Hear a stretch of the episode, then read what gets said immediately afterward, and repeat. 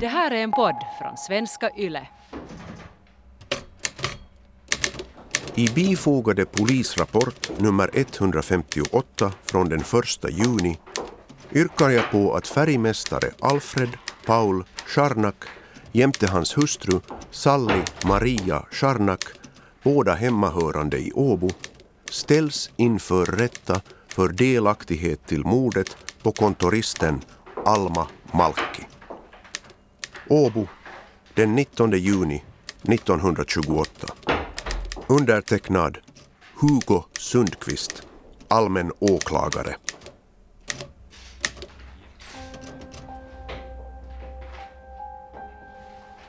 Det har varit många turer kring Alma Malkis försvinnande. Hot, avslöjanden och återtagna bekännelser har avlöst varandra och hela tiden förefaller det som om sanningen håller på att glida utredarna ur händerna. Trots Eero Lindgrens vittnesmål om att hans egna syskon varit inblandade i Alma Malkis försvinnande och Paul Scharnaks bekännelse verkar det som om väsentliga pusselbitar ännu saknas. Dem ska polisen nu försöka finna. Du lyssnar på del tre av Finlandssvenska krimpodden Dagen då Alma försvann. Mitt namn är Petter Lindberg.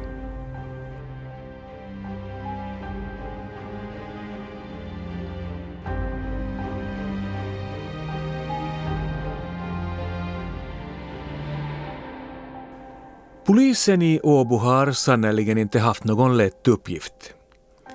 Men i brist på tillförlitliga vittnen och samarbetsvilliga gärningsmän riktar man sig nu in på en teknisk bevisföring som man hoppas ska kunna binda gärningsmännen vid mordet.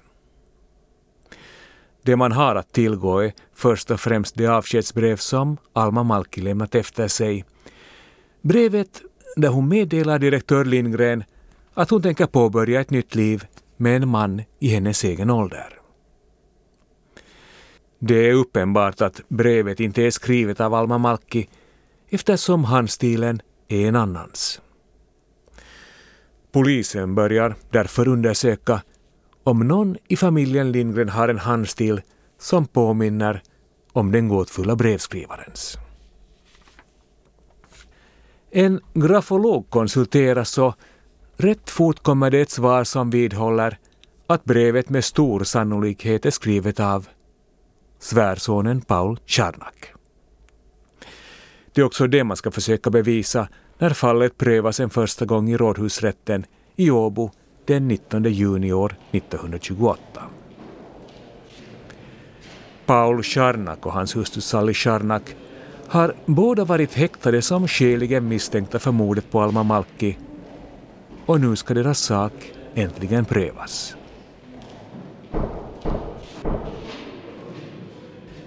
Rättegången börjar med att den allmänna åklagaren Hugo Severin Sundqvist läser upp de anklagades namn och åtalspunkterna för vilka de står anklagade. I bifogade polisrapport nummer 158 från den 1 juni yrkar jag på att färgmästare Alfred Paul Scharnak jämte hans hustru Sally Maria Scharnak, båda hemmahörande i Åbo, ställs inför rätta för delaktighet till mordet på kontoristen Alma Malki. När Hugo Sundqvist läst klart tillägger han att huvudanklagade Sally och Paul Scharnak för närvarande är häktade, medan de tre andra som åtalas i fallet, juristuderande Veikko Emil Lindgren, fru Maria Josefina Lindgren samt postiljonen Eino August Lehtimäki inväntar domstolens beslut på fri fot. Därefter redogör herr Sundqvist snabbt för det händelseförlopp som kunnat dateras till den 3 maj 1926 då en naken kvinnokropp bärgats vid Runsala av konstaplarna Johan Reinhold Lindberg och Gustav Volmar Sillanpää. Sundqvist berättar också att liket varit iförd strumpor och kängor samt på ena handen resten av en handske, men i övrigt varit naket. Oklarhet råder om liket avklätts eller om kläderna upplösts i vattnet. Kroppen hade i varje fall varit starkt uppsvälld och huden hårdnad på grund av långvarig vistelse i vattnet. På låren upptäcktes tvärgående fördjupningar, synbarligen utgående spår efter rep eller grovt snöre med vilket fröken Malki bundits. Vice häradshövding Martti E. Jaakkola sköter de åtalades försvar och bestrider genast samtliga åtalspunkter. Han påpekar också att obduktionsrapporten som tillsänds rätten är både bristfällig och vag. Eftersom den inte entydigt förmår klargöra om mord eller självmord föreligger i fröken Malkis fall. Han yrkar således med hänvisning till dessa graverande sakuppgifter att anklagelserna mot Sally Scharnak såväl som hennes gemål färgmästare Alfred Paul Scharnak bör hävas. Och att de båda omedelbart försätts på fri fot. Domare Knut Bernhard Hovila är ändå av annan åsikt och lägger istället fokus på det omtalade brevet som herr Scharnak tros vara upphovsman till. Herr Scharnak erkänner att han känt till brevets existens, men bestrider att han skrivit det. I rättssalen sitter också journalister som flitigt antecknar det som sägs mellan Paul Scharnak, hans rättsliga ombud, vice häradshövding Jakola och rådhusrättens domare Knut Hovila. Det brev herr Lindgren erhållit dagen efter fröken Malkis försvinnande och vilket sannolikt skrivits av Charnak vidhöll han sig ha sett första gången på detektiva avdelningen ehuru han nog tidigare hört ett sådant brev omnämnas, åtminstone vid ett tillfälle. Brevet företeddes nu och Charnak granskade detta intresserat en lång stund, varpå han återlämnade det och sade sig aldrig bruka skriva så slarvigt. Han betonade att hans stil varierar mycket och att det A som förekommer i namnet Alma av honom användes endast i hans egen namnteckning. Jag skriver mycket sällan och mycket lite för hand, framhöll han. Han anhöll att få bli försatt i tillfälle att skriva detta brev ett antal gånger och företedde ett stort antal prov på sin handstil och dess avvikelser. Tidningen Västra Finland skriver om hur Paul Scharnak tar avstånd från det brev som tillskrivs honom. Domare Hovila förbiser Scharnaks förslag att demonstrera sin handstil i rätten. Istället tar han fram kriminallaboratoriets grafologiska undersökning från den 26 maj som vidhåller att brevet är skrivet av ingen mindre än Paul Scharnak. I detta utlåtande konstateras att flera karaktäristiska bokstavslikheter förekommer såsom versalerna N, H och O och gemenerna A och Ä. Dessutom påpekar domare Hovila fastställer expertutlåtandet att stora A icke kan ha varit skriven av en finländare och att brevet tvivelsutan är skrivet av herr Scharnak.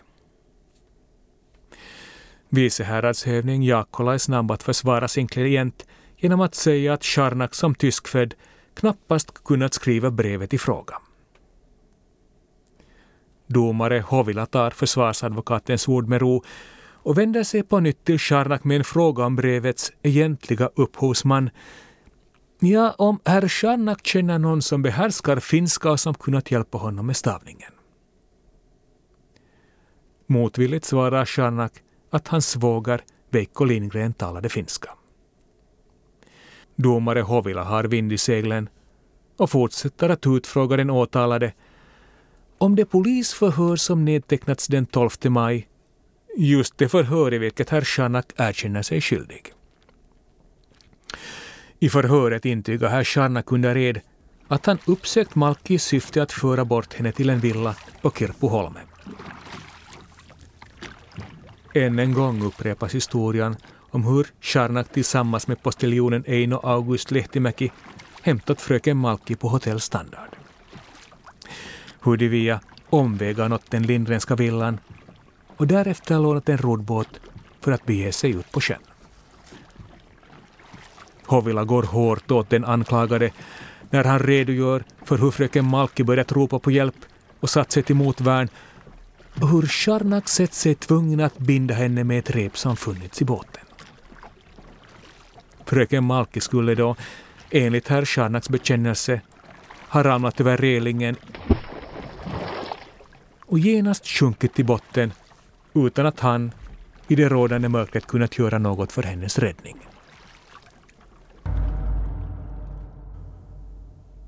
Istället för ett medgivande svarar Paul Charnak att han av brutala polismän tvingats till ett erkännande. Som vanligt är det Åbo underrättelser som rapporterar från rättssalen. På ordförandens fråga hur detta skulle förklaras framhöll Charnak att han avgivit denna bekännelse efter att ha varit under förhör timmar i sträck och icke stod ut med mera. Bland annat framhöll han att man frågat av honom om han var tysk soldat och då han sagt detta vara fallet hade man sagt att han nog orkade stå några timmar till. Min hustrus lidanden bidrog även till min nervositet, fortsatte herr Scharnak i upprörd ton. Men jag har ingenting haft att skaffa med fröken Malkis död och icke heller velat henne något ont. Försvaret hävdar alltså att påtryckning och rent av fysiskt våld framkallat Paul Scharnaks bekännelse. Domare Hovila bemöter viceherradshövding Jaakkolas anklagelser genom att höra två vaktkonstaplar från detektiva avdelningen om förhör verkligen gjorts nattetid. Frågan kunde icke klarläggas, men mellan vaktkonstaplarna och fru Scharnak uppstod häftig ordväxling, varunder hon bland annat utropade att man måste fordra sanningsenlighet även av poliser då man kräver sådant av oss. Till detta genmälde allmänna åklagaren att även om förhör verkställts nattetid så saknar detta betydelse. Svarande ombudet uttalade sin förvåning över att åklagaren sökte försvara ett förfarande som icke kunde försvaras, då blott en mening kunde råda om dylikt förfarande. Högljutt försvarar fru Scharnak sin man i rätten medan försvarsadvokaten Jaakkola antyder att åklagaren godkänner våld som en förhörsmetod. Är herr Scharnak en vilseledd äkta man eller en kallsinnig mördare som dränkt en oskyldig ung kvinna? Är han det egentliga offret i detta makabra rättsfall som tycks innehålla så många aktörer och motstridiga motiv att det inte går att få någon rätsida på det här fallet?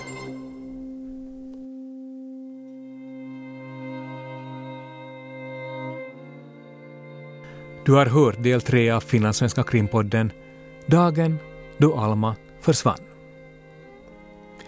I det fjärde och sista avsnittet fortsätter rättegången mot de anklagade medlemmarna ur familjen Lindgren. Kommer Alma Malkis mördare någonsin att bli funnen och dömd?